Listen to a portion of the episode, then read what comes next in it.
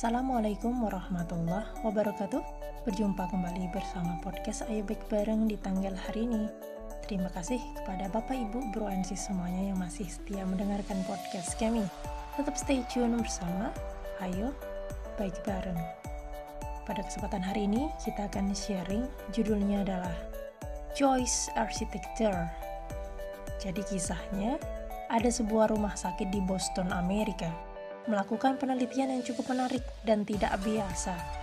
Proyek ilmiah yang dipimpin oleh seorang dokter, namanya adalah Dr. Anang Toradike, ini hasilnya dipublikasikan pada American Journal of Public Health. Para peneliti mendapati bahwa orang-orang yang makan di kantin rumah sakit cenderung memilih menu yang kurang sehat. Hmm, polemik sekali ya. Maka, selama enam bulan itu mereka mengubah susunan makanan yang dihidangkan di etalase dan minuman yang terpajang di lemari pendingin. Makanan sehat seperti sayuran yang biasanya kurang terlihat dari pandangan konsumen, kini letaknya paling depan, bertukar tempat dengan menu lainnya. Selain itu, air mineral pun disusun paling dominan setelah sebelumnya lemari pendingin mereka hanya dipenuhi oleh minuman bersoda. Rupanya, hanya dengan mengubah posisi saja, terjadi perubahan yang sangat signifikan pada pola makan pelanggan mereka tadi. Ya, ternyata makanan sehat yang sudah ditaruh di etalase depan itu lebih banyak habisnya. Dan penjualan air mineral itu meningkat menjadi 25,8% kira-kira. Nah, jadi sebenarnya ya orang-orang tuh sudah tahu mana yang baik untuk kesehatan, namun memang terkadang tidak mau sedikit berusaha, sehingga mengambil pilihan yang paling praktis saja yang ada di depan mata mereka.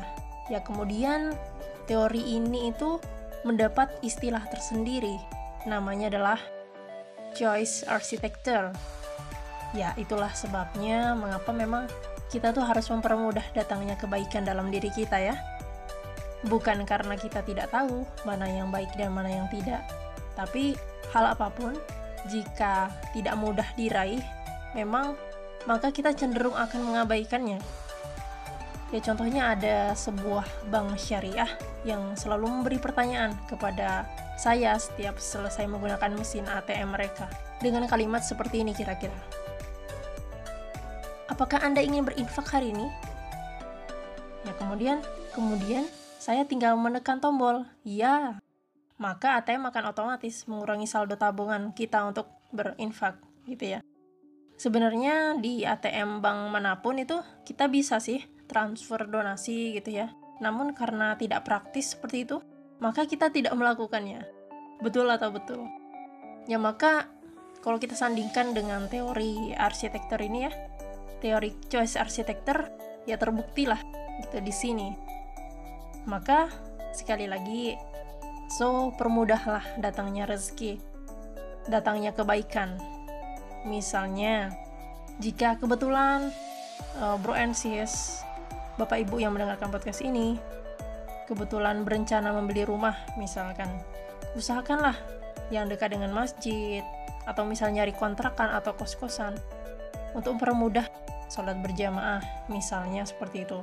Atau misal jika saudara, Bapak Ibu Bro semuanya memiliki sebuah ponsel Android, ya usahakanlah menjadi pembaca tetap followers ya, channel-channel bermanfaat, followers Instagram yang bermanfaat, ataupun trending-trending yang ada di Twitter yang itu menambah keilmuan kita, hasanah kita, wawasan kita yang bermanfaat, story-story teman-teman yang menyebarkan kepositifan dan lain sebagainya ya.